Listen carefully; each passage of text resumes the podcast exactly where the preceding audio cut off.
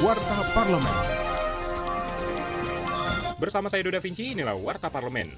Anggota Komisi 11 DPR RI, Rahmat Handoyo, mengingatkan ledakan kasus harian COVID-19 di Amerika Serikat sepekan terakhir merupakan peringatan keras bagi bangsa Indonesia agar tetap waspada dan tetap mentaati protokol kesehatan. Menurut politisi PDIP itu, lonjakan kasus COVID-19 di Amerika dipicu sikap warga Amerika yang abai terhadap protokol kesehatan, menyusul menurunnya angka kasus harian di negara Paman Sam tersebut. Masyarakat dihimbau tetap saling mengingatkan COVID-19 masih ada. Parlemen. DPR RI memperingati ulang tahun ke-76 dengan melaksanakan rapat paripurna sekaligus menyampaikan laporan kinerja selama masa sidang 2020-2021.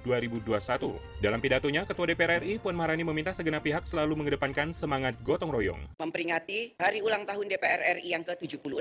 DPR RI hebat bersama rakyat. Dengan tema ini, DPR RI meneguhkan kembali bahwa dengan semangat gotong royong yang merupakan intisari nilai-nilai yang terkandung dalam Pancasila, budaya bangsa, akan menjadi landasan berpijak dan bintang penuntun untuk bekerja sama dengan pemerintah, lembaga-lembaga negara lainnya, serta berjuang bersama-sama dengan rakyat untuk mewujudkan Indonesia yang tangguh dalam menghadapi berbagai tantangan zaman. Telah melalui perjalanan yang panjang, DPR RI telah bertransformasi sejalan dengan perkembangan kehidupan demokrasi di Indonesia dalam mewujudkan demokrasi yang berlandaskan Pancasila.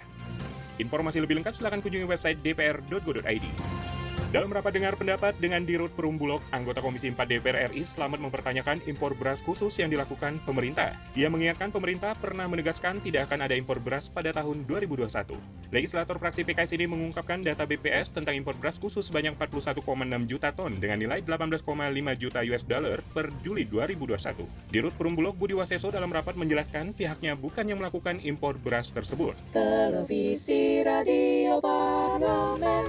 Demikian Warta Parlemen, Produksi TV dan Radio Parlemen, Biro Pemberitaan Parlemen, Sekjen DPR RI.